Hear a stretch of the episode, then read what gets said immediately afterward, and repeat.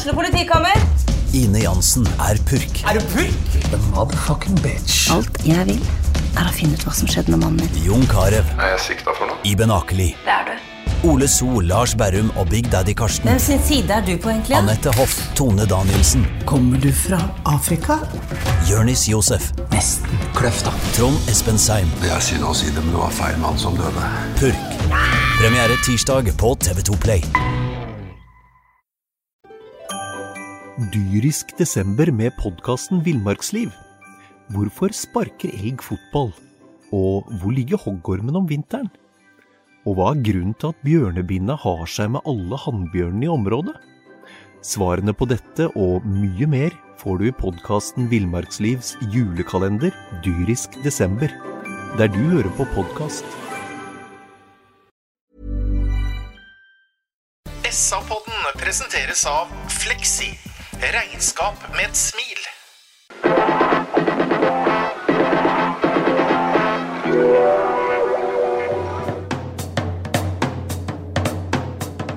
Sarpsborg Arbeiderblad gir deg en ny episode av SA-podden med Sven René Nygård, Øystein Weber, Petter Kalnes og Bjørn Inge Bingen Nilsen. Sola skinner, og uh, Sarpsborg 8 vinner, uh, gutter. Det er uh, moro, og ønsker velkommen til en ny utgave av uh, Sarpsborg Arbeiderblads egen fotballpodkast. SA-podden. I studio sitter som alltid Sven René Nygård. Hei, Sven. Hei, Petter. Glad og fornøyd i dag? Veldig, veldig, veldig. Så har vår venn Bjørn Inge Nilsen meldt forfall, og vi har henta inn en superreserve i form av Geir Arnesen. Morgen, Geir. Mornings, Petter. Arnesen er tilbake i podden. Og så sitter selvfølgelig Øystein Veberg her, som er eh, rolig og fin i dag. Det er søndag og Ja, jo, rolig og fin. Du åpner med å si at sola skinner og Sarpsborg vinner og sånn, Petter. Du, det er jo poetisk, og, og, du har jo vært høy og mørk her. Du sa jo vi skulle synge i poden hvis, eh, hvis det ble seier. Ja, men vi var jo på Vazelina Billedfabrikk-konsert Ja. om fredag, du og jeg, og vi var jo veldig i godt humør. Og da Skal vi prøve oss på et, et refreng, da? Og da, da er vel egentlig en sang som jeg tenker kan være veldig relevant for Sven. Ja.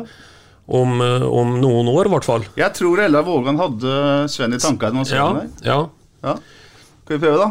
Da prøver vi så godt vi Ja, kan. nå er jeg spent. Ja, du er spent. Må- Lytt, da, for det her er, det her er poesi på høyt nivå. Én, to, tre. Elleve år uten kvinnfolk er jo slettes ingenting. For det fins så mange damer som går ledig rundt omkring. Bare venn skal du sjå at du finner ei du òg, Sven. Sjøl om du heng med hugu her og nå. Hei og hå. På forhånd takk. Vær så god, Sven. Det er noe av det sjukeste jeg har hørt, for det første. Altså, vakkert var det jo ikke. Nei. Det var jo rett og slett uh, Ja ja, det var, det var ikke bra. Nei, nå Altså, kjører vi. Dårlig i matte og gutter. Elleve år, det er ikke så lenge siden jeg skilte meg. Ja, Vi sa en gang i framtida vil denne være relevant. Ja. ja. Nå har vi i hvert fall gjort det vi lovte i, en, i et dårlig øyeblikk på fredagskvelden. Sven, du har ikke greie på kvinnfolk tydeligvis, ifølge Eldar Vågan, men du har greie på fotball. Uh, vi tar hovedinntrykket først etter Sarpsborg 8 4, FK Haugesund 0 lørdag kveld. En mektig bra gjennomført fotballkamp. Førsteomgangen er ekstremt bra i mine øyne. Annenomgangen er veldig kontrollert. Eh, vi er klart best der også. Vi føler oss aldri trua. Eh, jeg, jeg føler liksom at det, så, Spesielt med kampen i går, men sånn senere jeg, jeg, jeg føler at vi er helt forvandla. Altså, vi, vi har en bakre firer som eh, er bra, noe han ikke har vært før i år. Og når sist så vi et Sarpsborg 08-lag være alene med keeper tre ganger på Sarpsborg stadion? Aron Samuel det er vel den siste gangen jeg har sett alene med keeper på Sarpsborg stadion omtrent, før guttene nå gjorde det, og gjorde det egentlig forrige gang også. Vi truer bakrom. Vi gjør det uforutsigbart for motstandere. Før så kan de stå høyt og vite at hvis Molins eh, stikker i bakrommet, så bare løper vi den opp. Nå har de trøbbel i tårnet med en Engvald osv. Så, videre. så vi er forvandla. Eh, jeg jeg syns det er så mye trygghet. Eh, Hagelskjær selvfølgelig har kommet inn og bindt opp eh, Forsvaret. Rett og slett en mektig bra fotballkamp. Og hvis vi klarer å holde på det nivået her og være så disiplinerte og forflytte bein som vi gjorde i går Se på den gjenvinninga vi hadde i første omgang i går. Når Haugesund fikk tak i ballen, de hadde maks to trekk, og så var det pang, så var vi der, og så begynte vi på nytt. Så det er ikke noe annet å si enn at uh, i går var vi strålende. Du har virkelig snakket masse detaljer etter hvert, men uh, Geir Arnesen, hva tenkte du når du dro hjem fra stadion i går? Nei, Jeg er veldig fornøyd. Nå sa jo egentlig Sven alt, men, eh, men, men eh, jeg så jo egentlig mye av det samme. Egentlig litt to-to omganger. En første omgang hvor jeg, hvor- hvor jeg ser besluttsomhet, eh, offensivt eh, kroppsspråk, eh, løp i bakrom og gode avslutninger. Andre gang var ikke så god. Da var faktisk Haugesund mer med enn det vi kanskje liker, men, men herregud, et, totalt sett stor framgang og du går hjem med en god følelse. Og så er det noe med å sitte på Sarpsborg stadion Øystein, og liksom være rolig og ha kontroll på blodtrykk og alt som er. Det var, det var en ganske behagelig kamp etter hvert. Ja, det er jo sjelden. Veldig sjelden at en kalde kall tar livet av en eh, fotballkamp eh, som en gjør etter én omgang. Det hender jo hvert jubelår at det snur, men, men som regel gjør jo ikke det, og ikke denne gangen heller. Og, og det er jo som Geir sier, det, det er, eh, er jevnere i annen omgang, men det er, det er på en måte solid allikevel. Og, og vi holder eh, clean sheet som det heter bakover, og det syns jeg er eh, viktig. Vi har jo sluppet inn veldig mye mål i år. Geir, vi, vi snakka mye om inngangen til kampene. Det er liksom et sånt begrep som har blitt veldig sånn, eh, populært eh, i media. Blant annet. Sitter og ser på TV, så sier det liksom at uh, vi hadde gæren inngang til kampen. Uh, det var ikke noe gærent med inngangen til Sarpsborg 8 på lørdagskvelden her. Nei, det var det ikke. For vi har hørt flere ganger før i år at eh, Billboard sier at vi skal gå inn vi, skal gå i strupen på motstanderen. Men vi har ikke sett det, eh, syns jeg, da. Men i går synes jeg vi så det. Altså, Det gikk virkelig i strupen på Haugesund. Og Junior var tilbake med gjenvinningsrate som var skyhøy, og vi sto høyt. eh, Trøkka Haugesund skikkelig tilbake. Så, i- så i går var, i første halvtime i går var det fantastisk i forhold til det eh, som jeg mener og antagelig tror Billborn ønsker å få til. da. Så mm. det var eh, veldig bra, altså. Når vi snakker om gjenvinningsfans, så, så mener vi jo det at uh, altså hvor lang tid det tar fra Sarpsborg 08 mister ballen til Pornien igjen, eh, i, i 08s tilfelle, sånn som det var i går. Hva er det som er uh, liksom nøkkelen der? For det vi ser i går, er jo at det tar jo Det er nesten som når Guardiola sier at det skal ta tre sekunder fra fra Barcelona den gangen mister ballen til de tar den igjen. Det, det så nesten sånn ut. Men hva er, hva er nøkkelen til å få til det? Nøkkelen i går var Geir innpå. Eh, han heter eh, Junior. Eh, han har ikke blenda i det siste. I går var han overalt igjen, sånn som han var tidlig i sesongen. Skjærer av rom så motstander ikke kan finne mellomrompasningene sine. Eh, fort opp i andre baller osv. osv. Samtidig selvfølgelig som alle de andre er på. Eh, du kommer kanskje tilbake til det. Den eneste jeg ikke følte var ordentlig på i går igjen, det var Maigård. Ellers så alle de offensive spillerne flytta ekstremt med bein, og bak der ligger, for å kalle det å sviper han junior da bak de andre midtbanespillerne og var formidabel i går. Så jeg tenker at han Selvfølgelig alle var med på dette, her, men junior var hovednøkkelen i går til at vi hadde den ekstreme gjenvinninga. Det ser ut Geir, at eh, junior er der eh, ballen detter ned. Det har noe med en god utvikla spilleforståelse å gjøre, blant annet. Ja, det har det. Og eh, jeg har fått eh, se litt på analysene til Bergerud, eh, analysesjefen, her tidligere. Og i den, i den fasen hvor Nurto tapte mye, så var ikke junior der han skulle være. Han vant ikke så mye andreballer. Eh, han, var ikke på plass eh, sånn som han, han eh, var i starten på sesongen, for da var, han faktisk veldig god i, i, på en måte, i europeisk sammenheng. altså De å vinne ballen og spille fort framover. Men, men, men nå syns jeg han har kommet litt tilbake igjen. Eh, om om, om, om 08 har justert seg litt, eller hva det er, vet jeg ikke. Men, men i hvert fall nå i går var han veldig god, syns jeg. Og han traff veldig godt også i det å vinne den såkalte andreballen, den ballen som bare ramler ned etter en duell. da. Ja da, og vi kan jo fortsette å trekke fram eh, enkeltspillere. Jeg er egentlig enig med Sven at eh, den som antagelig går mest misfornøyd av banen i går, eh, er kanskje Maigård. Dette burde også være en kamp for Maigård. Den som ikke går misfornøyd fra, fra ut av banen i går, og som vi så etter to minutter, det, han heter Tobias Heinz.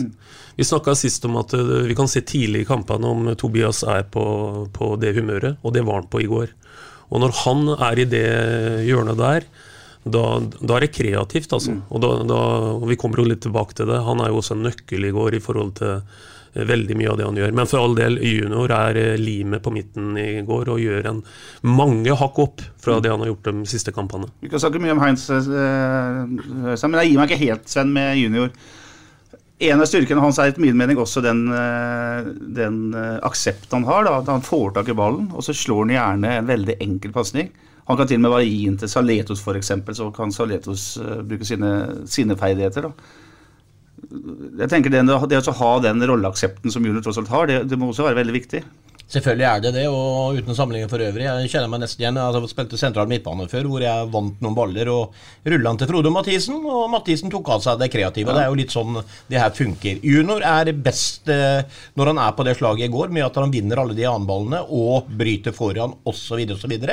Og som du sier, Petter, så gjør han ting enkelt. Han vet at han finner en uh, bredsidepasning til en kreativ medspiller, som igjen har en større forutsetning da, til å skape noe framover. Så nei, det er uh, Han er det, selvfølgelig det spillesystemet vi har når vi trøkker opp med så mye spillere som vi gjør i går. Vi mister jo ballen før eller senere, og da, da er det viktig å ha sånne juniorer som kan skjære av rom og kommer seg på rett side og bryter foran osv. Så, videre. så hvis han funker sånn framover, så funker Sarpsborg 08 så det griner etter. Eh, helt enig, og jeg tror at, eh, at Heinz er god, det, det, har en sammenheng faktisk med akkurat det, det, vi snakker om nå. At vi vinner tilbake ballen høyt i banen. Det er korte avstander. Han kommer i mange posisjoner hvor han er god. Eh, så, så, så, det her henger sammen.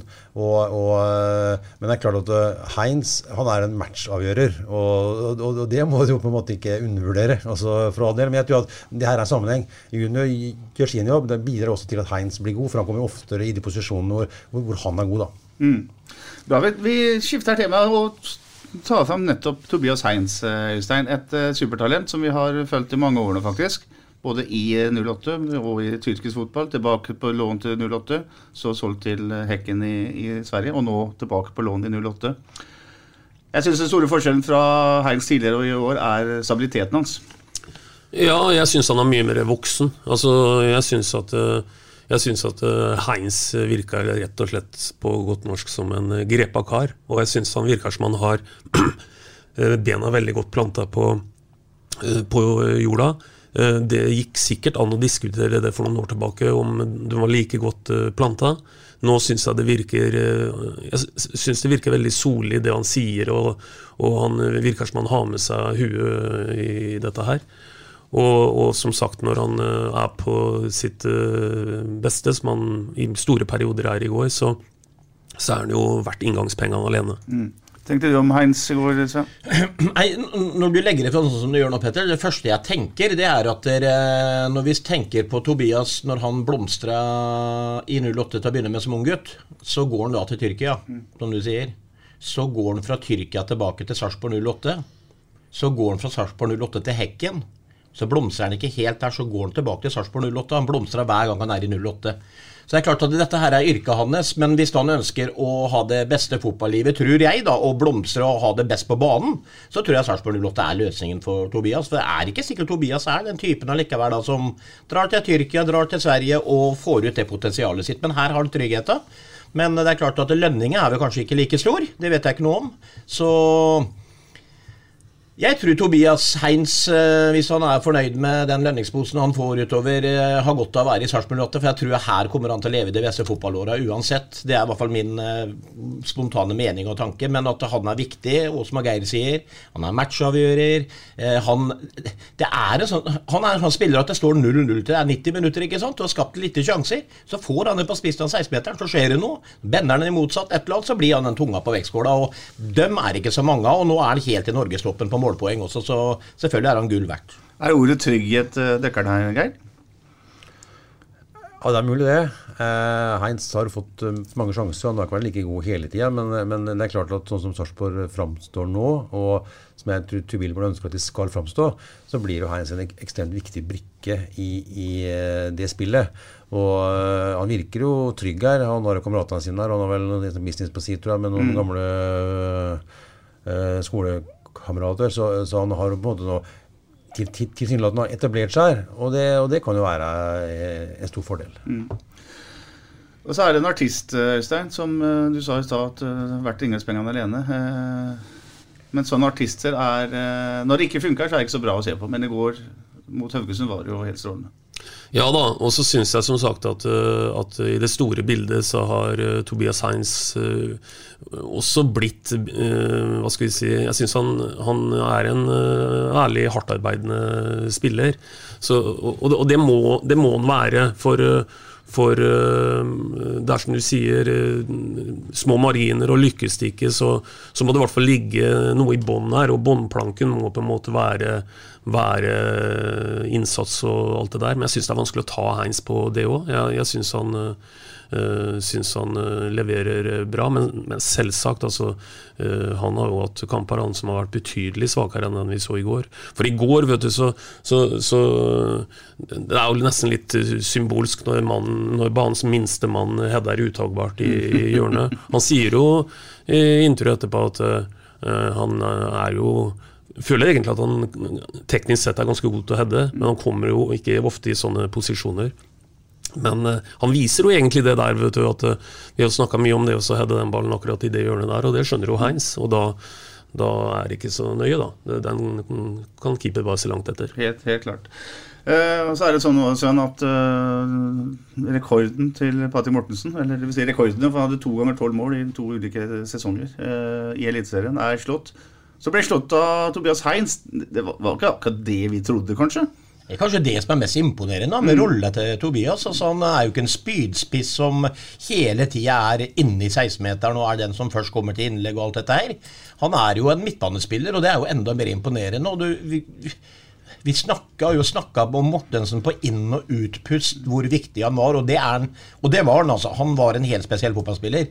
Men han skåra tolv mål, da. Eh, og Tobias er forbi han nå med fem matcher igjen, som en midtbanespiller, skråstrek kantspiller. Så det, er bare å ta av seg hatten. Og så må vi ikke glemme at det, ja, han, jeg spurte han i går om mange målpoeng han hadde. Jeg trodde det var fem, men han mente sjøl at han egentlig skulle hatt sju.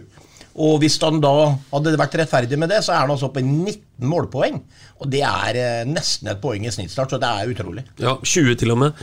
Uh, og poenget er at uh, det er ikke noe vi bare sitter og så, og så snakker om uh, her som en sånn lokal greie, Petter.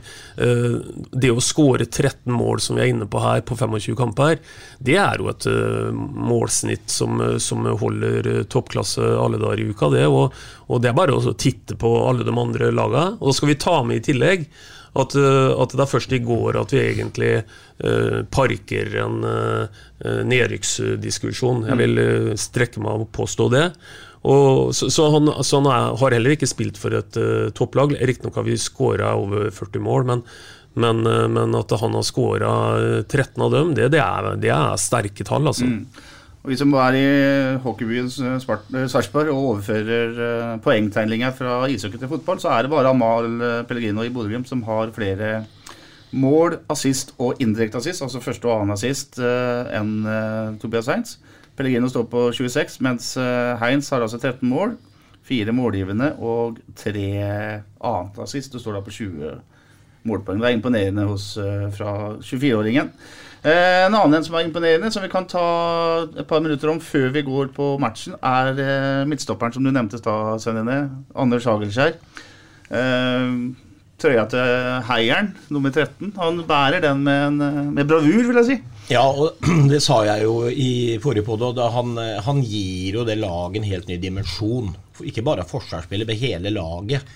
Han, han vinner den ballen, eller trekker seg unna, får ballen eh, vekterpasninger gjennom ledd. Eh, det er liksom aldri en sånn pasning som Stort sett, da, det skjer jo, men det er nesten aldri en pasning som nesten motstanderen snapper. Det er sånn trygghet i alt han gjør. I går ruver han i hodedueller. Han eh, kommuniserer tydeligvis ekstremt bra med Magnar. Så det er jo Det han har levert her hos oss, det er pure class over. Altså, det har vært ren klasse. Og eh, ja. Nei, det er eh, Han er en stor bidragsyter til eh, de siste fem kampene som han har vært med og spilt. Moderne midtstoppertype, Geir? Ja, han er det. Og han, er, han virker veldig trygg med ballen. Og så er han jo rent venstrebent, og det kan jeg tenke meg en fordel. At, de har en som er rent venstrebent, og kan spille opp også fra venstresida. Eh, og så som Sven sier, så, så det, han blir det et godt par med, med Magnar. Eh, de utfyller hverandre. og Det er sånn med stoppere. Noen uh, treffer bra i kjemien, og andre gjør ikke det. Men her, her ser det ut som at uh, det har vært veldig bra. Og så er han høy, da, så han tar jo en del innlegg og sånn òg. Så han, uh, så, sånn som sånn som det ser ut nå, så har det vært eh, en eh, ja, Han var faktisk en eh, som Berntsen sa at uh, han kan ikke ha liksom, sånn kjempeforventninger til. Men han er jo jaggu meg slått til, syns jeg, fra kamp nummer én. Du nevner kjemi mellom han og Magnar Ødegaard som uh, tidligere spiller og ikke minst trener. Geir. Er, eh, Hvor viktig er det? Et ganske åpent spørsmål og enkelt spørsmål kanskje, men hvor viktig er kommunikasjon og samarbeid mellom to midtstoppere her? Det er, det er faktisk ekstremt viktig. Eh, noen ganger så er, så er det sånn at hvis én går i duell, eh, partneren din er bare der hvor ballen ramler ned, én går, én faller. Eh, de er på en måte i rett posisjon, dekker for hverandre. Det er forutsigbarhet. Eh, og det er vanskelig å si at det er akkurat sånn nå mellom de to, men det ser jo sånn ut. Altså, det er ikke så åpent lenger. Og det er tryggere på innlegg og sånn. Eh, noe må ha skjedd. Om det er bare han, eller om det er han og eller, det vet ikke jeg. Men, altså, men altså, noe har skjedd. Og Noe annet som vi også må ta med som har skjedd, det er jo ikke bare at Hagelskjær kommer inn og gjør den rolla, men han er jo en bidragsyter på sammen med resten av laget nå. da, altså Hvor ofte ser vi en høyre venstreback for ballen og ruller inn til en pressa Anders som ruller over til motsatt bekk, som vi kødda så, unnskyld uttrykket, forferdelig med? De, de gjør det nesten ikke lenger. Og da slipper man å bli satt i den herre eh, ny bølge mot dem en én gang og alt det. Nå, nå løfter faktisk begge biskopene og bekkene over midtbaneleddet. Og så vinner vi igjen ballen der oppe, eventuelt, hvis de må klarere. Og det, der har jo 08 forandra seg enormt.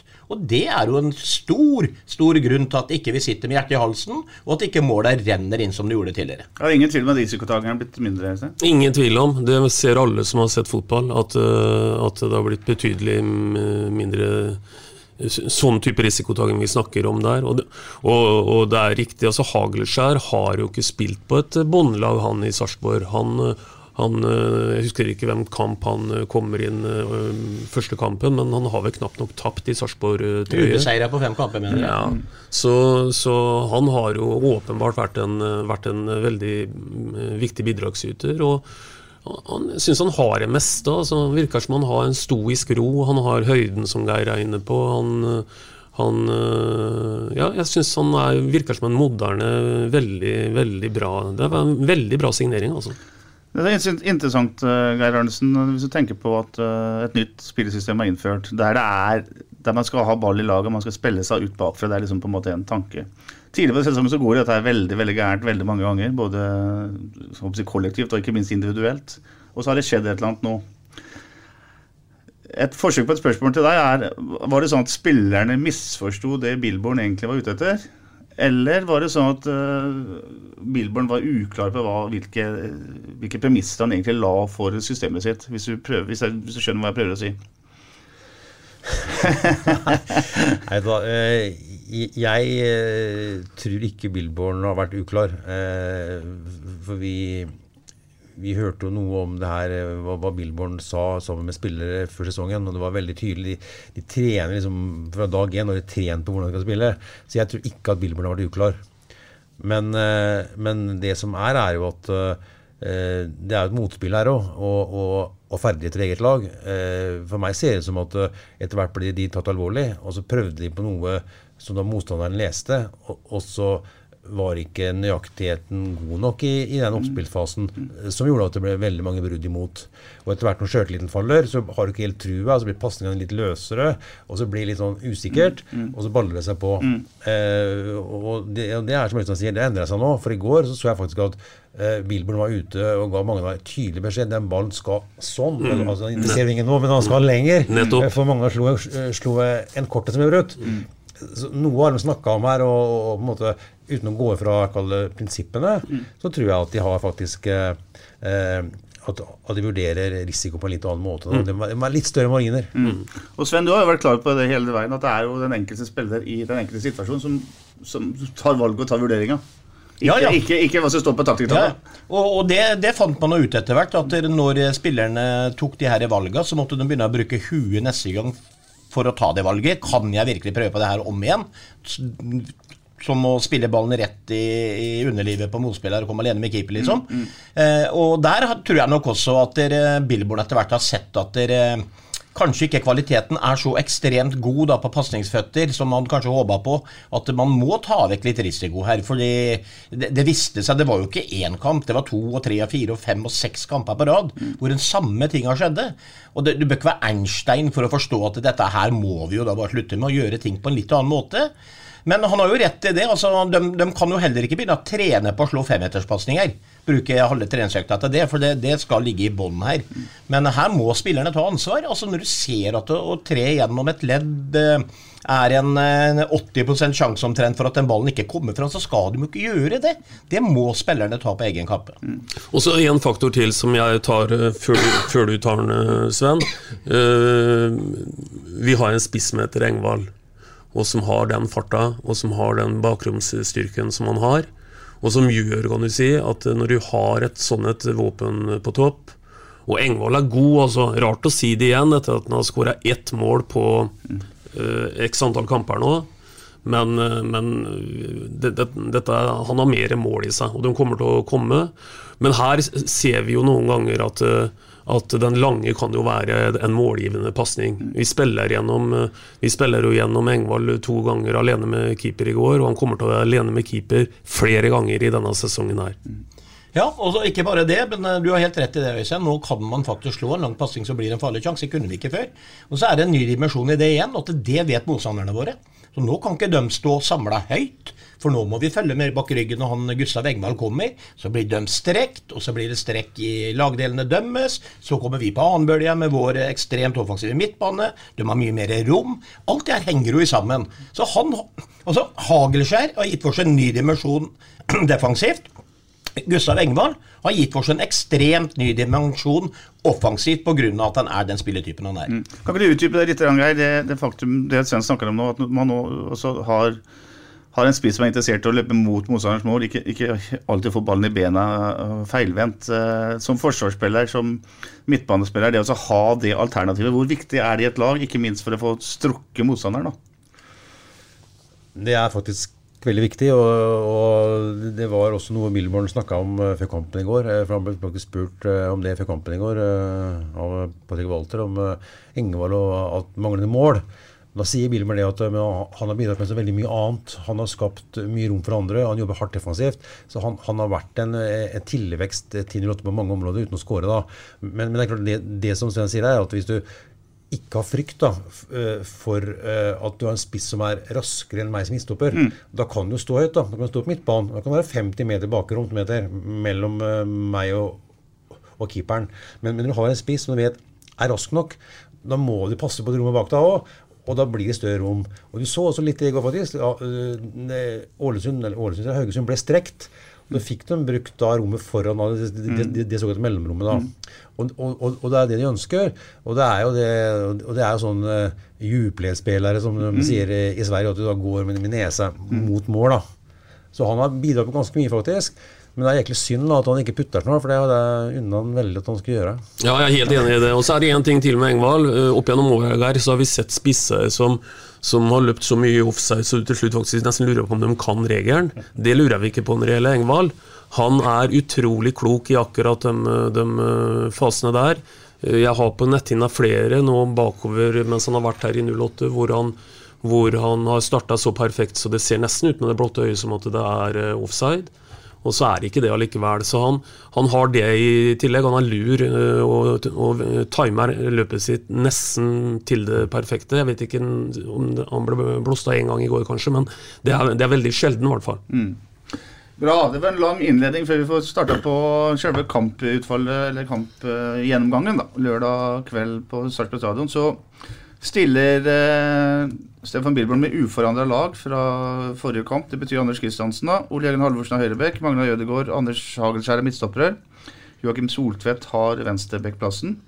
Junior og Saletros er da låset midt på banen. Mikkel Maigård, Viktor Torp og Tobias Heinz er steget foran der. Og så er nevnte Gustav Engvald da, da midtspissen. Vi starter med samme tema som sist. Bjørn Inge Utvik Sven er utafor laget fortsatt. Uh, var du overraska denne gangen? Nei, Jeg var ikke så ekstremt overraska, egentlig. Eh, Jeg vet jo at Utvik eh, kanskje har vært den beste stopperen vår eh, gjennom sesongen. før han fikk skade. Nå er han frisk. Prata med litt folk på vei ned til stadion i går, og eh, mange var sånn Herregud, skal, Utvik, skal ikke Utvik starte, liksom? Men også her snakker vi om kjemi. Her, nå funker det. Også, vi har sittet og snakka på inn- og utpust om eh, Hagelskjær og eh, mangla sitt eh, samarbeid. Og så må ikke, En må ikke kimse av det. Og i går holder de nullen nå. Så jeg, jeg, jeg ble ikke overraska over det valget, og jeg ble heller ikke overraska over at Soltvedt eh, fortsatt har plassen foran Joakim Thomassen. Han bidrar så ekstremt offensivt, Soltvedt, med ekstremt eh, intelligente fotballpasninger. Gjør ting veldig enkelt for medspillere, har gode legg osv. Så videre. så, og i går blei det jo jeg tror også Billborn visste at vi ikke kanskje kom til å bli satt under så stort press i går heller. At, uh, at vi skulle møte et lag som hamra mot oss, og vi måtte heade ut og ut og ut. og ut. Han så nok et kampbilde som uh, ja, Han så nok ikke den første 15. For da hadde vi 75-25 i ball possession. Og det er det kun Barcelona som har klart mot Getafe og Elche, eller hva faen de heter for på hjemmebane. Så Nei, jeg blei ikke overraska, jeg. Eh, Veldig kort svar, var det ikke? Den kyniske fotball, toppfotballen, uh, Geir, så er altså 08s beste eh, midtstopper skada. Han har aldri spilt seg ut av noe lag, er frisk igjen, og så blir han sittende og se på. Eh, samtidig som det hadde vært brutalt sikkert for Magnar Ødegaard hvis han hadde blitt satt ut etter å ha spilt tre-fire kamper knallbra på rad nå. Eh, er det vanskelige avveininger som Billborn har her? Det er sikkert. Eh, Utvik har jo vært eh, en bauta og måtte stått liksom, eh, for det som eh, vi liker. da, At du stikker frem nesa og fortenner og alt det der. Men, men, men, men så er det noe som jeg, som jeg har tenkt litt over. Liksom, hvordan er Utvik å spille sammen med? Altså, Han syns så veldig godt Utvik. Det smeller, og det takles, og det er faen i helvete, og det er alt det der sånn, som, vi- som vi liker, liksom. Bl- Blø for drakta. Men, men hvordan er det å spille sammen med? Det er jo ikke sikkert at uh, kombinasjonen Hagelskjær Utvik hadde vært like god som Ødegaard Utvik. Det vet jo ikke, men det vet jo Billborn og de som følger med på det her hver dag. Så det er tydelig at, uh, at det har vært vurdert uh, sikkert mot, mot andre ting. Og da har de landa på at det beste paret nå, det er Magnar og, og, og Hagelskjær. For hadde, hadde Utvik vært klart bedre, så hadde han gått rett inn igjen. Ellers så blir jo typer som Utvik og Thomassen liksom satt litt prøver her, da, Øystein. Liksom i altså Glem det rent fotballmessig, med sånn si, menneskelig opp mot kameratene sine, opp mot laget, opp mot klubben, opp mot supporterne. Uh, Hvilke, hvilke liksom krav settes de på nå når de skal være positive, selv om de ikke får spille? Nei, det er jo nettopp det. Det er jo det kravet. At de, de greier å bite i seg den skuffelsen, som det naturligvis er. Og det er jo ikke to hvilket som helst personer i, i, i spillergruppa. Det er jo uh, arbeidsformann og viseformann. Så, så, så det er jo litt, uh, litt uh, spesielt, det. At de har kommet i en situasjon hvor, hvor akkurat nå de er ute av laget. Men sånn er eh, fotball, og dette må de, eh, må de takle. Og ikke minst dem må takle det. Det er eh, ekstra viktig at de guttene der uh, gjør det. Og jeg tror de gjør det. Det er voksne gutter begge to. Men at de, men at de nok eh, er eh, skuffa, det, det ville overraske meg fryktelig hvis vi ikke er det. Du har vært i mange lag oppe i nummeret, Sven, og sett hvordan spillere reagerer i sånne situasjoner. Det er ganske stor forskjell på hvordan man takler det. Ja da, øh, men de, de beste spillerne, øh, som iallfall jeg kjenner til som har vært på benken øh, der jeg har vært, de, de takler det. Eh, Utvik ser jeg for meg uten å se en fotballtrener. Går ned der og feier på i hver duell og eh, snakker høyt. Den rekordkampen jeg kommenterte nå, så var han eh, uten tvil den defensive bautaen. selv om jeg syns det var forkastelig at det er en startoppstilling med en Vikne, en Utvik, en Skipper og landslagskaptein Haug i en bakre firer slipper inn tre mål på 20 minutter mot Eik Tønsberg på fjerde nivå i Norge. Det er ikke lov. Men Utvik kan, kan jeg ikke ta så mye på i den kampen der. Og selv med headsetet oppe på Zapporsano så hørte jeg Utvik styre og stelle bak der. Høy røst, eh, rygg eh, fram og press. Kom igjen, gutta, på 3-0. Samla dem. Så Utvik eh, Ikke Joakim heller. Døm kommer til å fighte for å få tilbake den plassen. Det føler jeg meg rimelig trygg på. Og eh, det er jo litt behagelig når jeg snakker om Utvik. Bare liksom tenkte at Magna får en strekk på neste kamp. Har vi noen å sette inn? Her kommer Utvik. Ja, ikke sant. Det er, det eh, Interessant det der. Hva får du av Joakim Soltvedt, Geir, som du ikke får av lagkaptein uh, Thomassen? Tja, eh, det er et godt spørsmål, Petter. Eh, Jeg syns Soltvedt har utvikla seg veldig. Han fikk en del kamper fordi Thomassen var skada. Og så fikk han mange kamper på rad. og Den, den sjansen syns han tok ganske bra, faktisk. Han, han utvikla seg og han ble, han ble en bedre, bedre spiller. Men, eh, men hva, hva, altså hva, hva 08 får, det er jeg litt usikker på. For de er ganske Jeg, jeg ser at uh, de er- ulike som spillere og typer, og det er de kanskje, men, men, men det er jo ikke eh, Det er jo eh, føttene altså Innlegget til eh, Soltvedt er nok bedre enn en, en, en, enn Thomassen sitt. Uh, og det er jo kanskje det først og fremst du får, da. At du får en bedre pasningsfot. Og så er det interessant Sven, å, å, alternere på spillere utover høsten. Altså, man skal f.eks. til Lerkedal i siste kampen, og da, da ville kanskje en defensiv venstrebekk som Thomassen være bedre enn en ren offensiv eh, Solseth f.eks.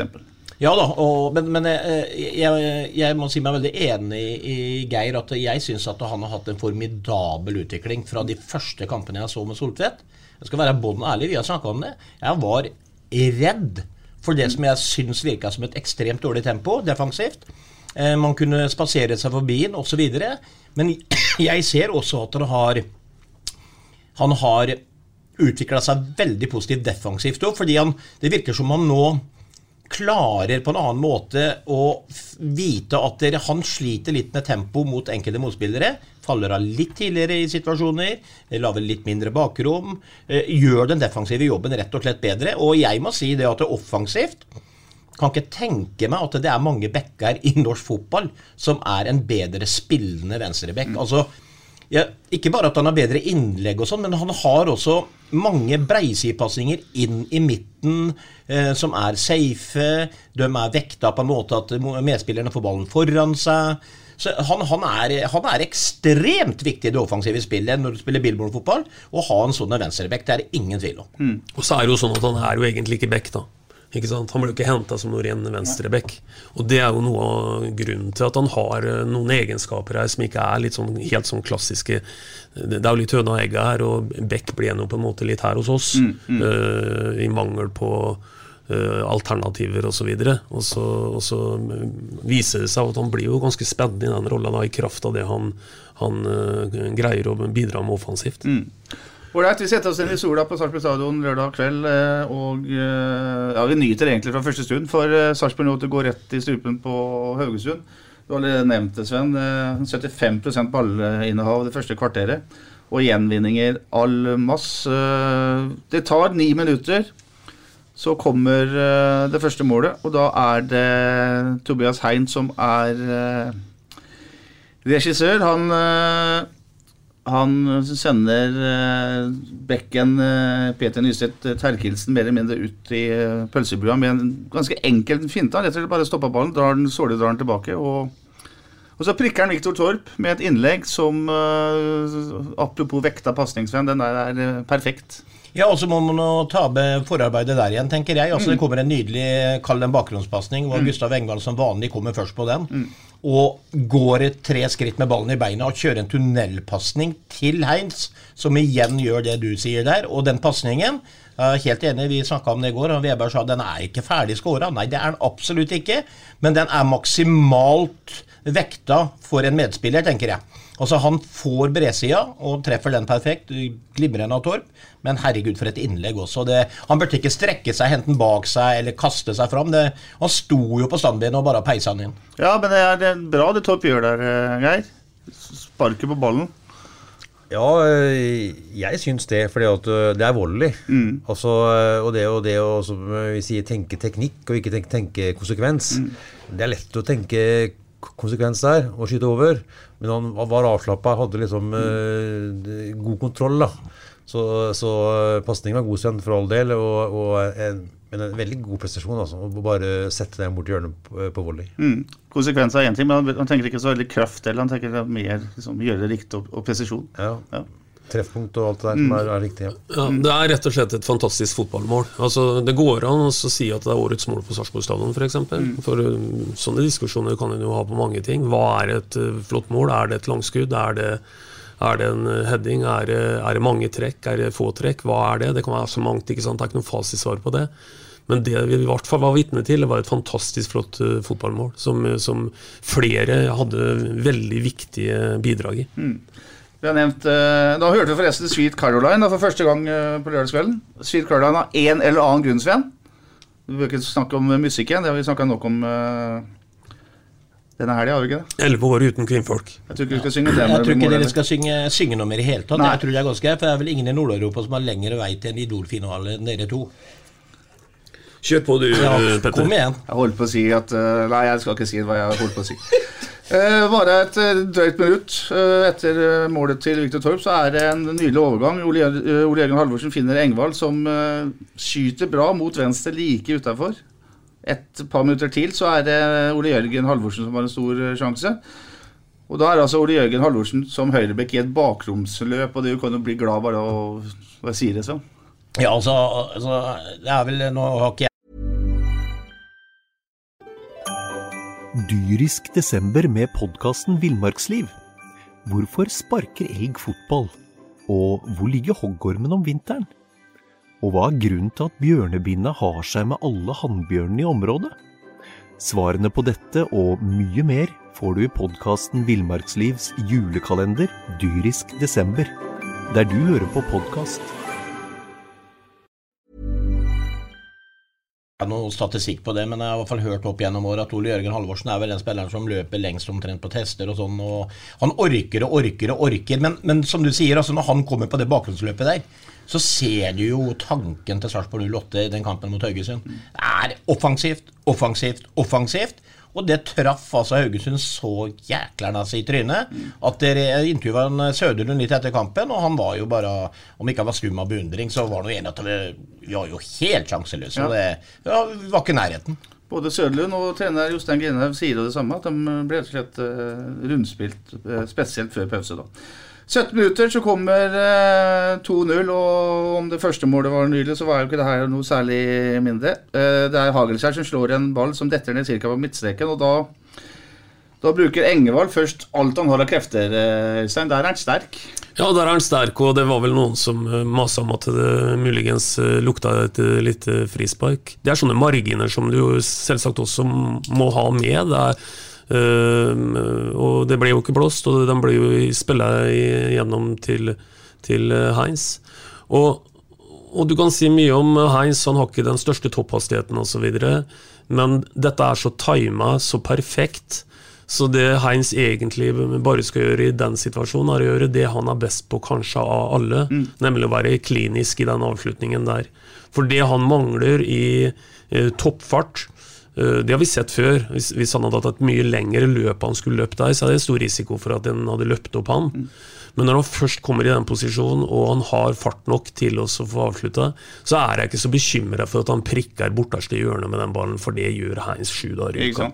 Engvald eh, river seg altså løs, slår en utskjepasning, helt nydelig utskjepasning til Hein som er alene med keeper eh, Geir Arnesen. Det er jo et par valg der. Han kan gjøre som han gjør, nemlig skyte på første touch, eller så kan han jo prøve å dra av målvakta. Hva er det som er så bra med det Heinz gjør der? Eh, det er jo flere ting. Eh, for det første det er jo ekstremt deilig å se at han starter da i 120 km med nesa mot mål. Da er, eh, da er det for det første ekstremt vanskelig å stoppe for stopperen. Og tar pasningen perfekt vekta.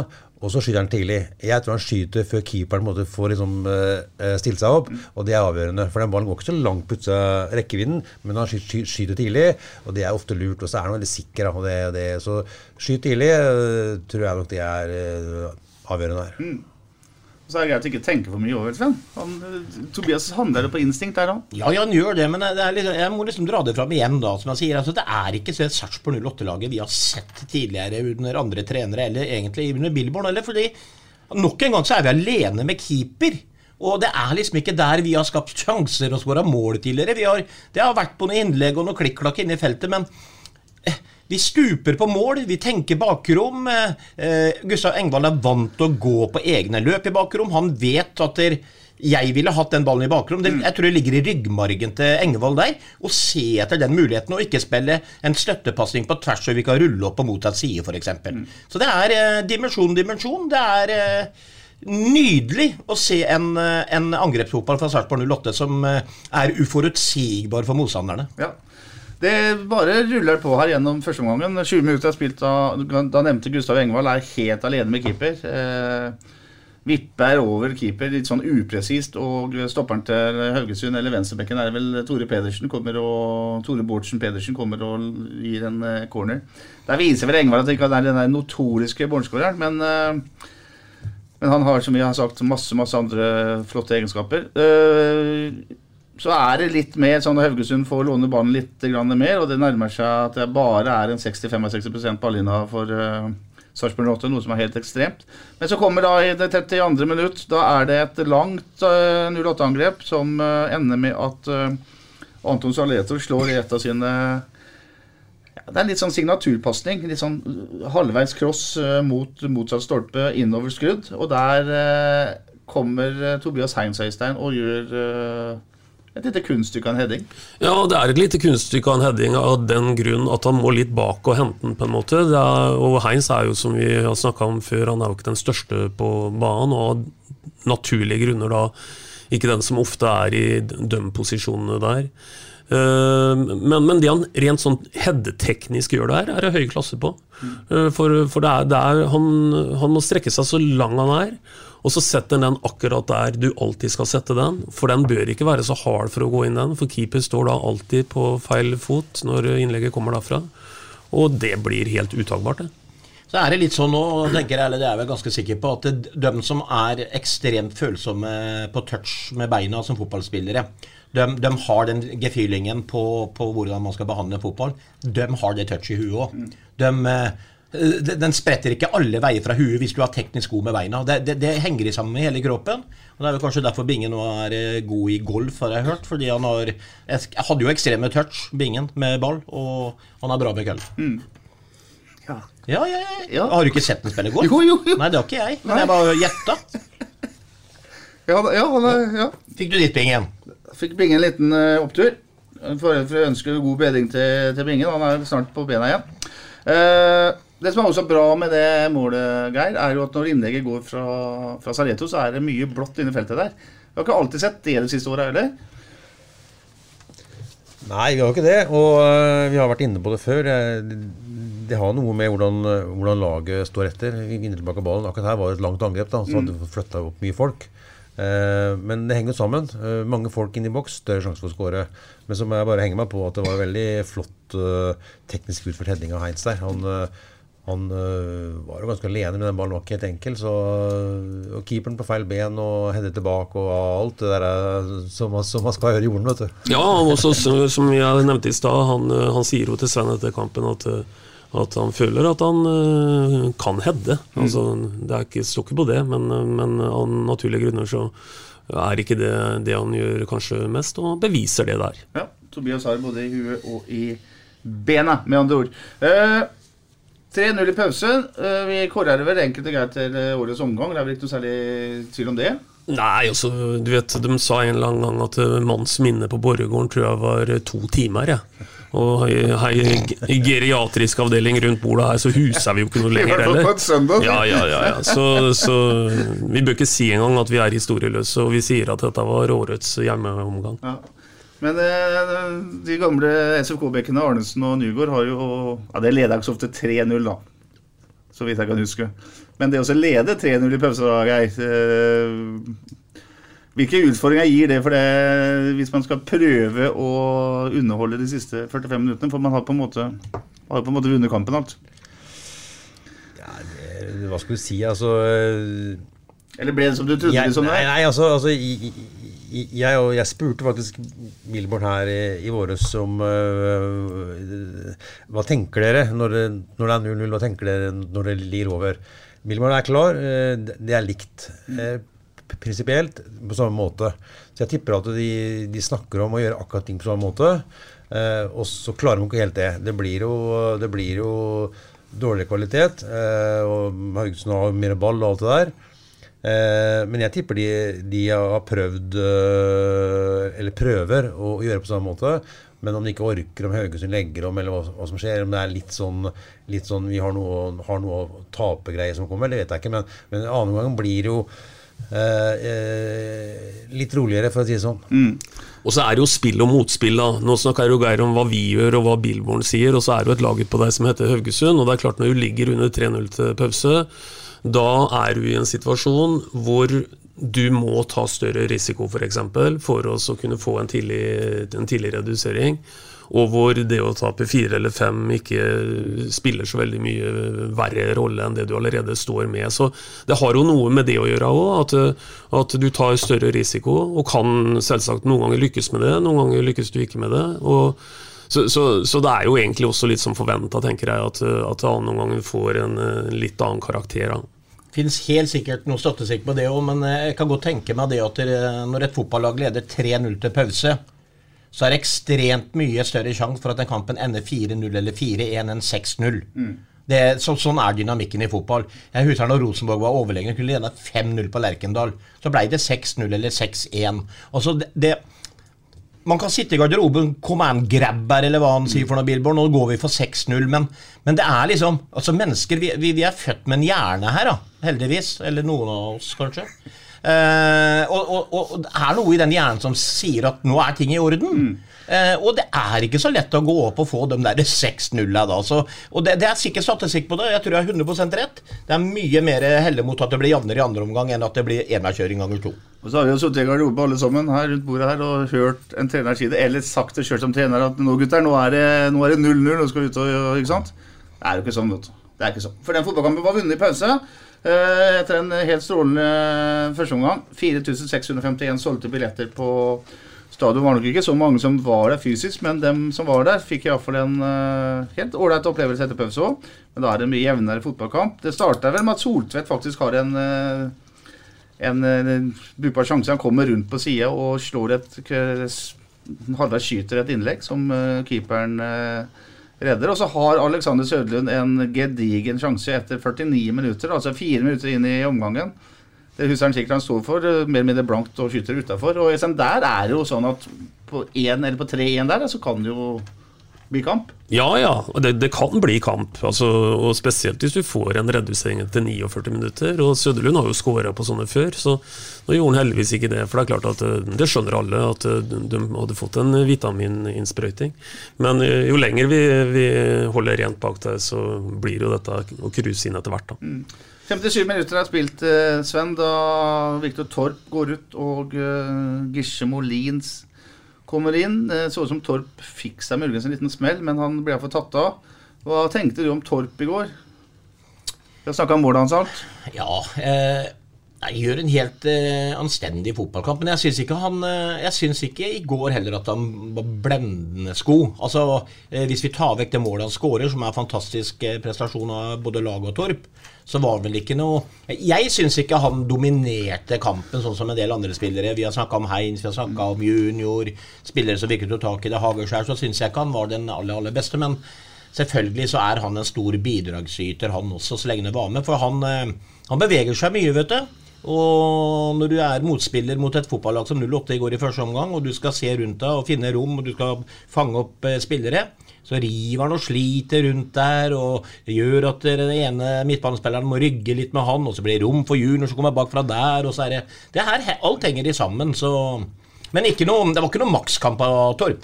Det er jo den der dype spissrolla, Geir, eh, eller offensiv midtbanerolle, hva du skal kalle det for noe. Den mellomromsrolla der. Vi husker Jonathan Linseth var strålende der når Sarpsborg 8 var som best i våres. Eh, kan du si litt om viktigheten av den derre kombinasjonsrolla den, eh, den, plassen der liksom utgjør? Ja, Det er jo eh, et offensivt eh, spillpunkt. da, og, og jeg ser for meg at mye skal innom den rollen da, for, for, å distribuere videre både til kant og til, og til spiss. Uh, og Da er det viktig at, uh, at bevegelsene også er rundt den, altså, så den rollen kan bli brukt uh, på, en, på, en, god måte. For det er klart at Hvis, hvis den rollen der får vente opp og får nesa mot motstanderens mål, så blir pasningsavstandene mindre. Det blir lettere å stikke gjennom. så den, den rollen der er viktig. Du må være god der, men samtidig er det viktig for 08 å måte, få frigjort den rollen, da, så, at, så, så, at den kan bli brukt på en god måte. og, og han Torp har jo Eh, på det som skal til, syns jeg, til å kle rollen. Men, eh, Men eh, enig med Sven i går, sånn på det jevne, egentlig. Det veldig interessant det Geir sa i stad, Sven, når det gjelder eh, det å skape det rommet der. da. I og med at du nå har Engvald som strekker motstanderslaget, så blir det jo større plass til en type Torp i den rolla der.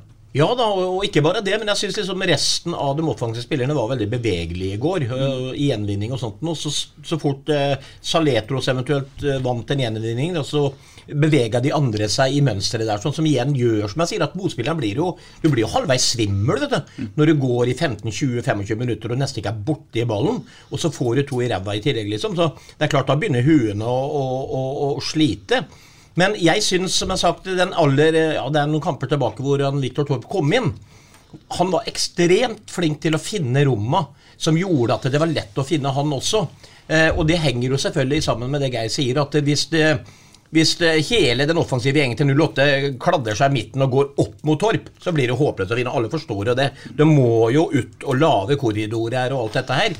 Men det er jo også et ansvar for Torp, da, som jeg syns han var veldig flink til, i hvert fall en par kamper, å finne også de korridorene. Når noen lager den, så må de også finne korridoren, sånn at de blir lette å bruke. Og Han var ikke like synlig i går som jeg har sett den før. Nei, og, og dette sier også noe om potensialet her, kan du si, den dagen en har, eh, alle har en god dag på jobben samtidig. samtidig. For, for det er jo faktisk litt spesielt at vi sitter her og så snakker om en, en eh, Torp som spiller sånn, på det jevne i går, og, og vi snakker om en, eh, en Maigård som har definitivt spiller bedre kamper. Men allikevel så får Haugesund mer enn nok å holde på med i går. Og, og som sagt eh, 3-0 til pause. Så det er klart at eh, vi, vi, En kunne jo lekt med tanken i går at, eh, at en Maigård f.eks. var tilbake på det produksjonsnivået som han har vært i veldig mange kamper. Vært veldig viktig for oss. Eh, Da kunne det blitt ordentlig stygt i går. For, eh, for det, det er flere som har mer å gå på i går. Men så er det jo liksom litt sånn nå, jeg tenkte på det jeg kom med i går, Øystein, at eh, Heinz skinner jo. Og Heinz har ball i hytt og pine. Eh, og du kan nødvendigvis ikke ha ballen begge to på likt. Så det er jo litt sånn noen ganger, når ting funker et sted, så er ballen mye der. Og de leter etter dem. Og Maigård er på motsatt side av Heinz i går. Og så Det henger nok også litt i sammen. Og Nei, han, eh, han tok mye oppmerksomheten i går, over både Heinz og noen andre spillere, og da blir Maigård litt borte. og vi håper og tror at i neste match så er det Maigård som skinner, og så får Heinz stille seg litt i assistentrollen eh, bak eh, Maigård. Ja, og så var jo Soltvedt god. Heins Heinz og Soltvedt på venstresida. Saletus er venstrebent, trekker også mot venstre. Så og så har du Engvald der. Så det er Heinz hadde mange gode lekekamerater rundt, uh, rundt seg i går. Ja, så føler sikkert Maigård òg, for hvis du tenker på alle balltoucha Maigård hadde, hadde mange i løpet av kampen, men han er jo ikke i nærheten av balltoucha de har på venstresida. Og det, det, nødvendigvis så skal du gjøre noe godt ut av de få toucha du har i løpet av fotballkamp, men det er ikke lett det, vet du, når, når spillet foregår mye på én side og ting funker der. På ingen måte. Uh, Heinz uh, var on fire før pause. Vi, han lånte en tier på SA-børsen akkurat da. Uh, ender på ni, så han var ikke spesielt dårlig etter pause heller. Men han gjør et eller annet i det 61. minutt, hvis jeg husker den uh, passinga står til Gustav Engvald da. En knallhard uh, gjennombruddspasning langs bakken som sender Engvald helt alene med keeper. Uh, Gustav drar av målvakten, men så får han en sånn rar dobbelttouch som gjør at han ikke får satt den i satt i mål, men uh, der er Heinz uh, strålende på, på pasningen. Uh, det går litt videre her. Uh, 64 minutter, da blir Engvald tatt av.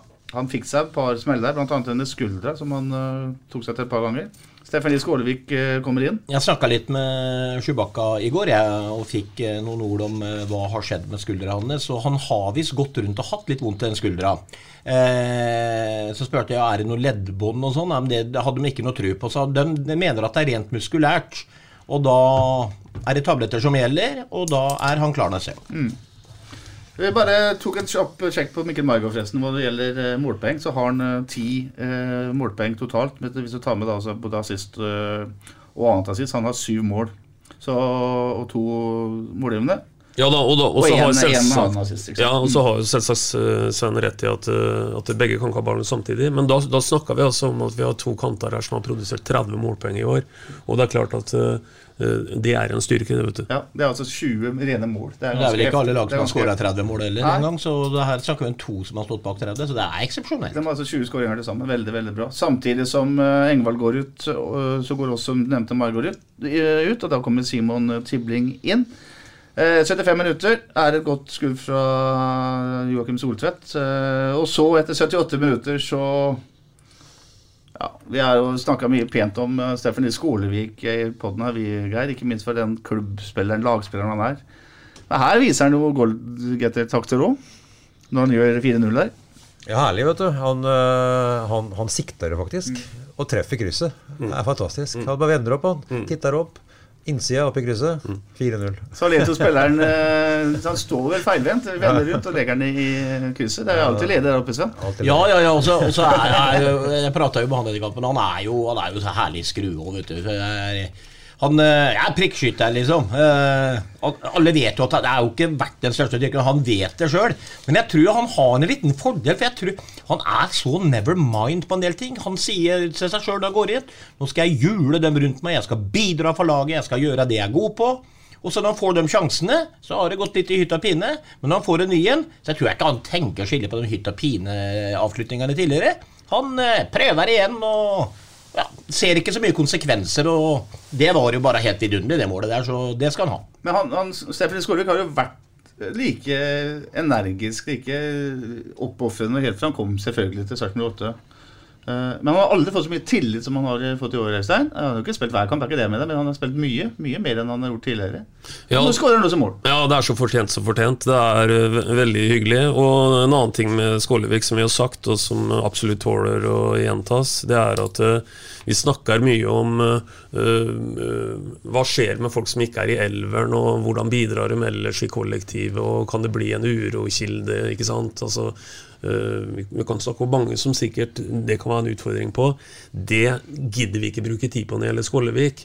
Eh, For han er 100 en sånn en eh, Jeg kjenner jo ikke han personlig, men jeg er helt sikker på at du har rett i at han går ikke og sutrer for littespilletid eller noen ting. Han er eh, pliktoppfyllende, gjør jobben sin, kommer på trening og, og smeller på, og, og er en helt Det er hel ved, altså. Mm.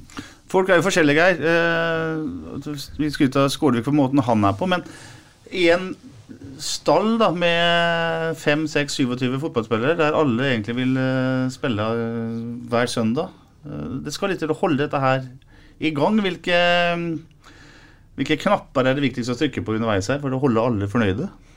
Eller går det an å holde alle fornøyde?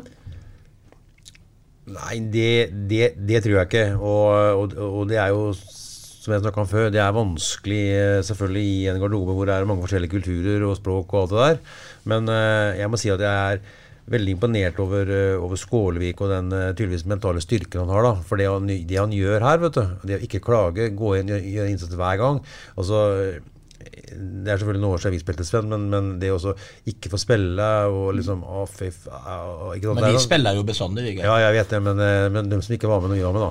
Eh, men, men, altså, det han gjør der, det er faktisk jeg er mektig imponert. Altså, jeg, jeg sa vel sist gang jeg var, jeg var gjest her, at øh, jeg kanskje ikke ville fornye kontrakten med han.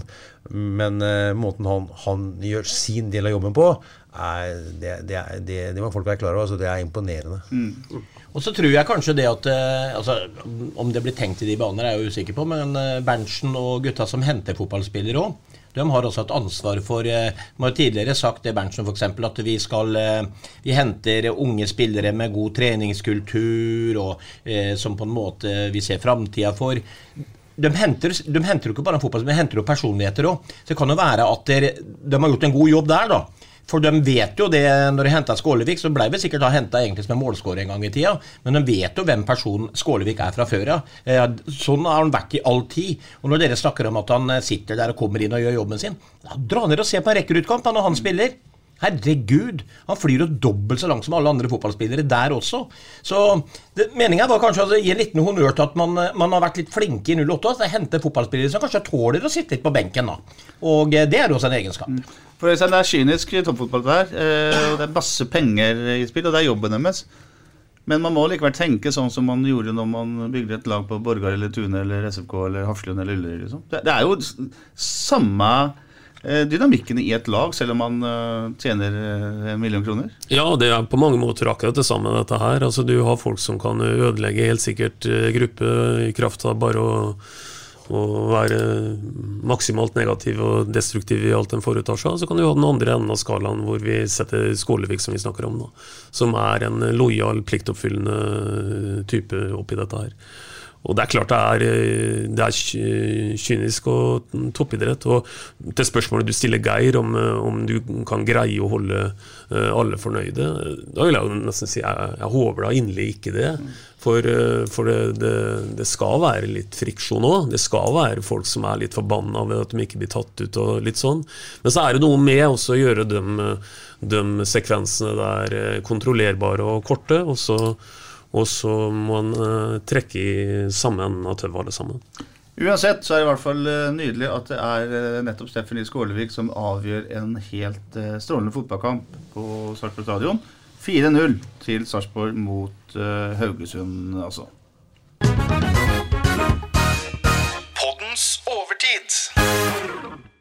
I dagens overtid så skal vi ikke synge, Sven, så ikke vær redd for at det kommer et uh, nytt vers. Men vi skal uh, ta litt tak i noe som uh, Stefan Bilborn, Sarpsborg 8s trener, sa etter kampen i går på spørsmål fra Essa om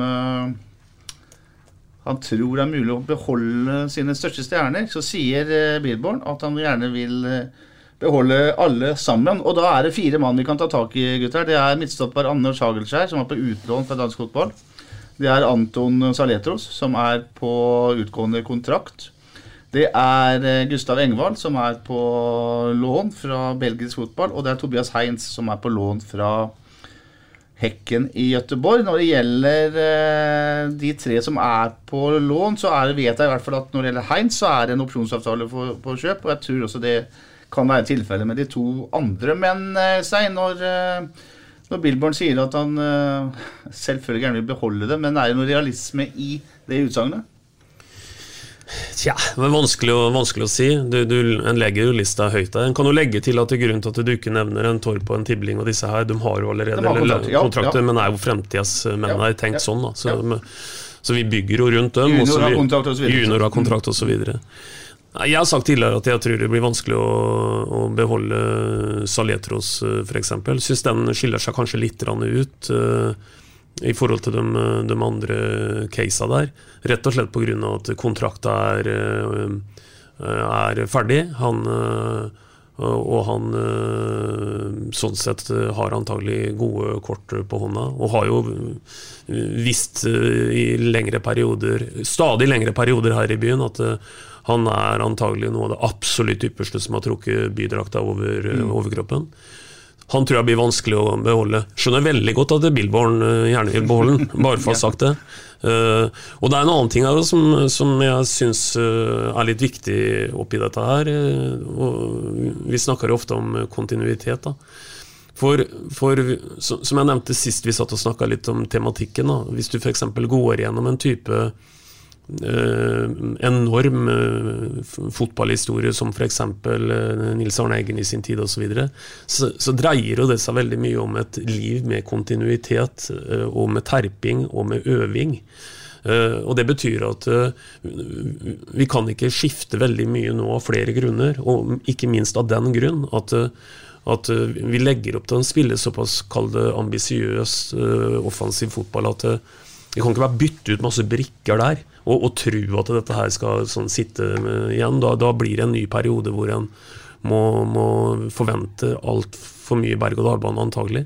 Så, så, jeg tror det blir vanskelig å beholde Saletros. Jeg håper de beholder flest uh, mulig. Og da får jeg si som Sven, var det et uh, kort svar? det var et uh, Det var ikke noe kort svar, men et godt svar. Det er jo det er verre når det er langt og dårlig, så der syns jeg du klarte deg bra. Men Geir, når man skal selge inn dette her prosjekt Sarpsborg 8, da, prosjekt Billborn, overfor disse spillerne her så legger vi premisset at uh, lønningskonvolutten aldri blir så stor som man kanskje blir ute i Europa. Eller det blir noe ikke. Hva er det man må bruke som salgsargument da, for å få en ja, Gustav Engvald eller Anders Hagelskjær til å være, ville være i Sarpsborg? Ja, du. Eh, nå det skal jeg svare på, du.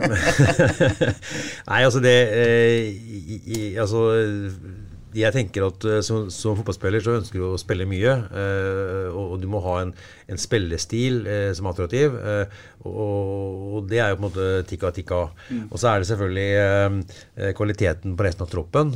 Eh, og lønn, og hvilke ambisjoner klubben har. Så, så det, er, det, er, mange ting her som, som da må legges i potten. Uh, og jeg tror at uh, alle som er uh, involvert i Sarpsborg 08, altså alle styre og hva det måtte være, ønsker selvfølgelig at alle de skal bli. Og, og det er sikkert noen som kan kanskje være mulig å få til, mens andre ligger på et nivå som er for høyt for 08 å få til. så der er jo både sportslige ambisjoner, kunstgress, mm. spillestil, alt det der. Og så er det den økonomiske delen. Mm. Så ja, det er, det, det er, det som er nå, tipper jeg, vurderingene både fra klubbens side og fra spillerens side.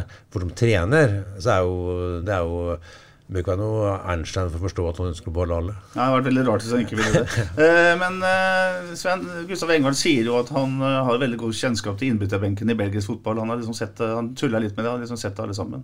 Og liksom rangerer hvem som er best og sånn. Så han har sittet mye og sett på fotball de siste åra. Mm.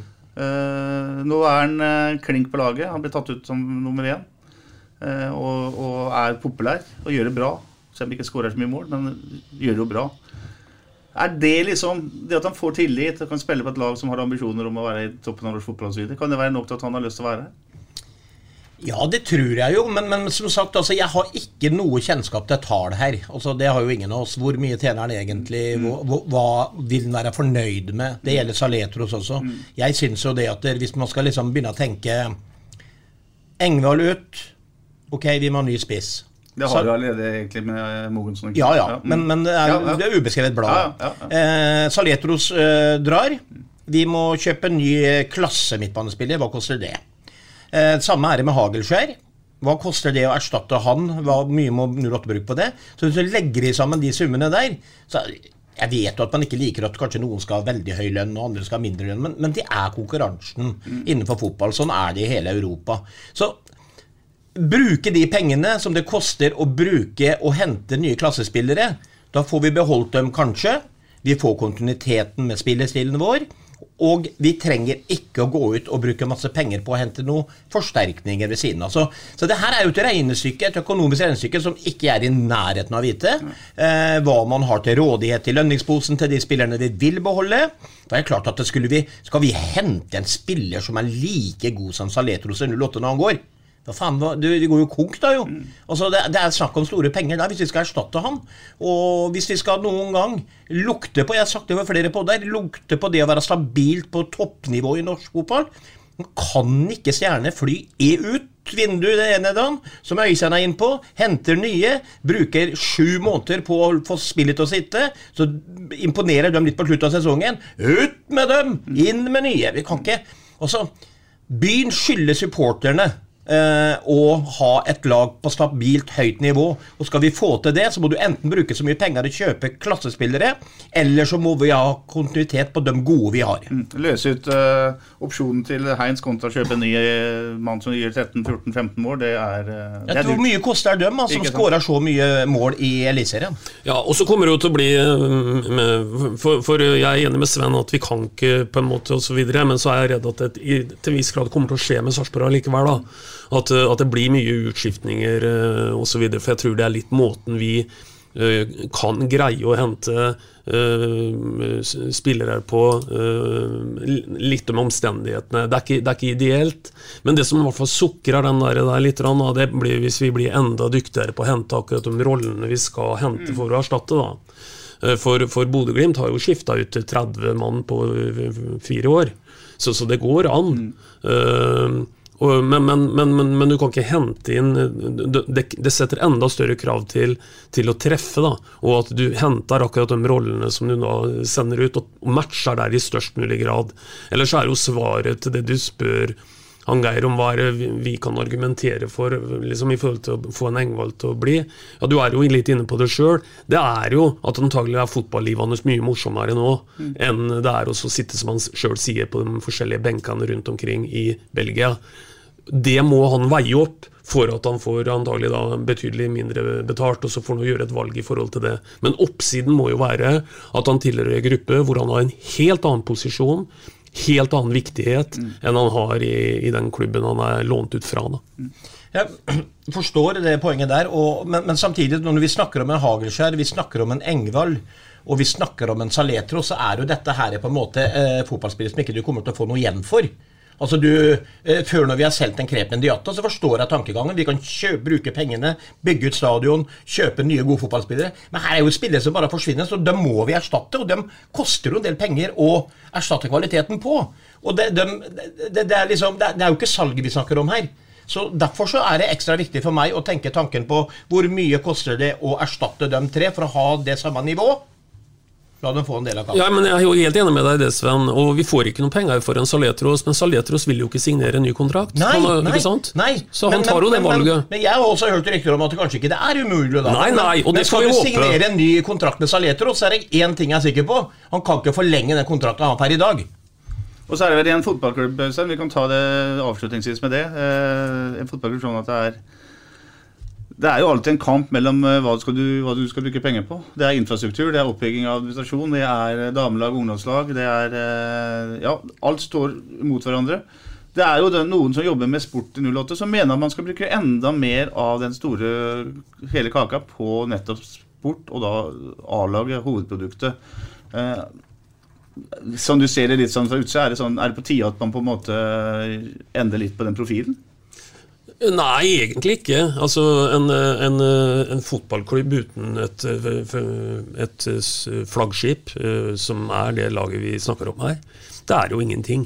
Så det nytter ikke å snakke om å ha eh, verdens mest eh, strømlinjeforma beste administrasjon, eller hva, hva det måtte være, eh, hvis du ikke har et fotballag som leverer ut på, ut på gresset uke etter uke. Det ligger i bånn.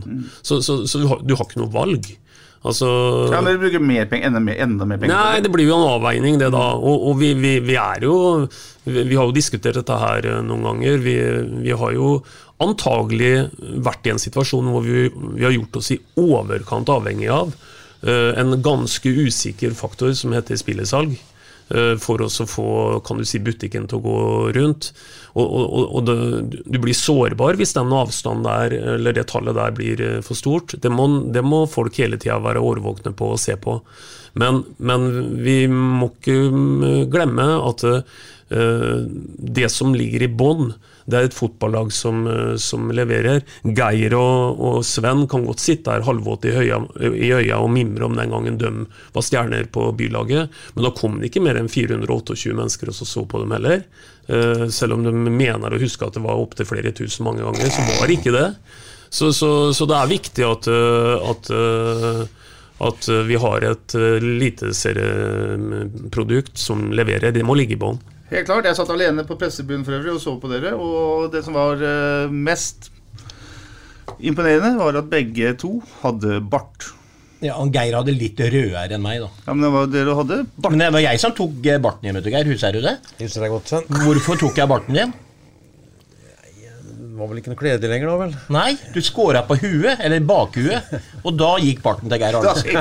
Det skjønner jeg godt. Herlig. Det her har vært en eh, lang og innholdsrik podkast. Vi avslutter som vi alltid gjør. Og jeg venter da med Geir til slutt, for han har greie på fotball. Har vi jo hørt i dag. Bra jobba, Geir Arnesen. Viking Sarpsborg 8. eh, Søndag om en uke, mister Weberg. Har du noe greie på det? Eller har du noen tanker om det? Ja, det jeg tenkte var eh, at eh, Jeg tenker det blir tøft. Men, jeg, men jeg, bare for å ha sagt én ting. eh, En har jo vært på noen arenaer og sett fotball opp igjennom. Jeg har vært, sett bortekamp mot Viking to ganger. Og er faktisk to seier her. Semifinale i cupen i 15, og i fjor høst da vant komfortabelt der borte. Så, så jeg ville vel kanskje ødelagt den da ved å reise bort, så jeg holder meg hjemme. Men allikevel så tror jeg at vi er i såpass flyten nå, ja. At, eh, og Viking har jo egentlig gått fra å nesten se ut som en gullkandidat helt tidlig i sesongen, til nå å være midt i haugen. Og blitt litt grå, dem òg, etter at de har kvitta seg med noen av dem bedre. Jeg tror vi vinner eh, 2-0, jeg. Og, og eh, Engvald skårer eh, det ene nøyere, må man si. Det var et langt svar. Sven? Ja, det er, jeg forstår ikke hvorfor hun skal preke så mye før hun tar resultat. Det vinner 2-1. 2-1. Jeg har snakka med Bingen, og jeg Bingen er jo enig i det meste. Og det, vi er jo faktisk enige om at det blir to mål til Viking og tre mål til Sarpsborg 8. Og så kommer svaret. Og så kommer svaret til slutt. Ja, fasiten da, det blir 2-2. 2-2. Ja. Bare gå på oddsen. Geir har greie på det. Geir har greie på det. Og da tipper vi Ja, altså et- Det er jo ikke poengdeling i Stavanger, ikke noe krise, det, Øystein. Nei da, nå er det ingenting som er krise. Nå er det bare å gratulere byen med enda et år uh, med eliteseriefotball. Eh, nå går det økonomiske toget, vet du. Og jaggu var vi på perrongen da toget gikk. Det er ingen selvfølge. Eh, det så ganske mye skumlere ut for, eh, for eh, fem kamper siden. Men heldigvis så, så gikk dette her bra til slutt i år, og det er viktig at du folk skjønner hvor stort det er. altså. Ja, det er bra. Takk for kampen, Geir Arnesen, Svein René Nygaard. Skal vi gå en tur, Geir, forresten nå, eller? Har du noen andre planer? Skal vi ta på oss joggesko og rusle en tur? Ja, kanskje, Øystein. Ok, men nå har vi det på bånn. Da fikk du sagt det. Jeg har egentlig tenkt å si det at du, før så var jo du såpass eh, omfangsrik at jeg kunne brukt en annen uh, Vazelina-sang vet du, for å Du får ikke mer puddingtjukken? Ikke noe mer Ikke pudding, noe mer. tjukken. Takk for i dag, Prekes. Vi prekes. Vi prekes. SA-podden presenteres av Fleksi. Regnskap med et smil. Dyrisk desember med podkasten Villmarksliv. Hvorfor sparker elg fotball? Og hvor ligger hoggormen om vinteren? Og hva er grunnen til at bjørnebinna har seg med alle hannbjørnene i området? Svarene på dette og mye mer får du i podkasten Villmarkslivs julekalender Dyrisk desember, der du hører på podkast. Ukens annonsør er HelloFresh. HelloFresh er verdens ledende matkasseleverandør og kan være redningen i en travel hverdag. Mange av oss har nok vandret i butikken både sultne og uten en plan for middagen, som ender med at vi går for de samme kjedelige rettene gang på gang. Middag burde være dagens høydepunkt. Som HelloFresh kan du nå velge mellom 25 ulike retter hver eneste uke, eller få HelloFresh til å sette sammen menyen for deg. Dette gir deg muligheten til å prøve nye og spennende retter alene eller sammen med familien. Du velger antall porsjoner og får alt levert på døren på et tidspunkt som passer for deg. Oppskriftene er enkle, og maten er lett å lage både for store og for små. Ved å få alt levert hjem får du også mer tid til å dele matgleden med familie og venner. Kanskje det frister med asiatiske tacos eller greskinspirert kylling? Da kan jeg anbefale deg om å gå inn på hellofresh.no. Her kan du bruke koden FOTBALL og få opptil 1779 kroner i rabatt på de første fem matkastene hvis du ikke har prøvd HelloFresh tidligere. Du kan også bruke rabatten hvis du har vært kunde og stoppet abonnementet ditt for tolv måneder siden eller lengre. Gå inn på hellofresh.no og bruk koden FOTBALL. Har du et enkeltpersonforetak eller en liten bedrift? Da er du sikkert lei av å høre meg snakke om hvor enkelt det er med kvitteringer og bilag i fiken, så vi eh, gir oss her, vi. Fordi vi liker enkelt. Fiken superenkelt regnskap.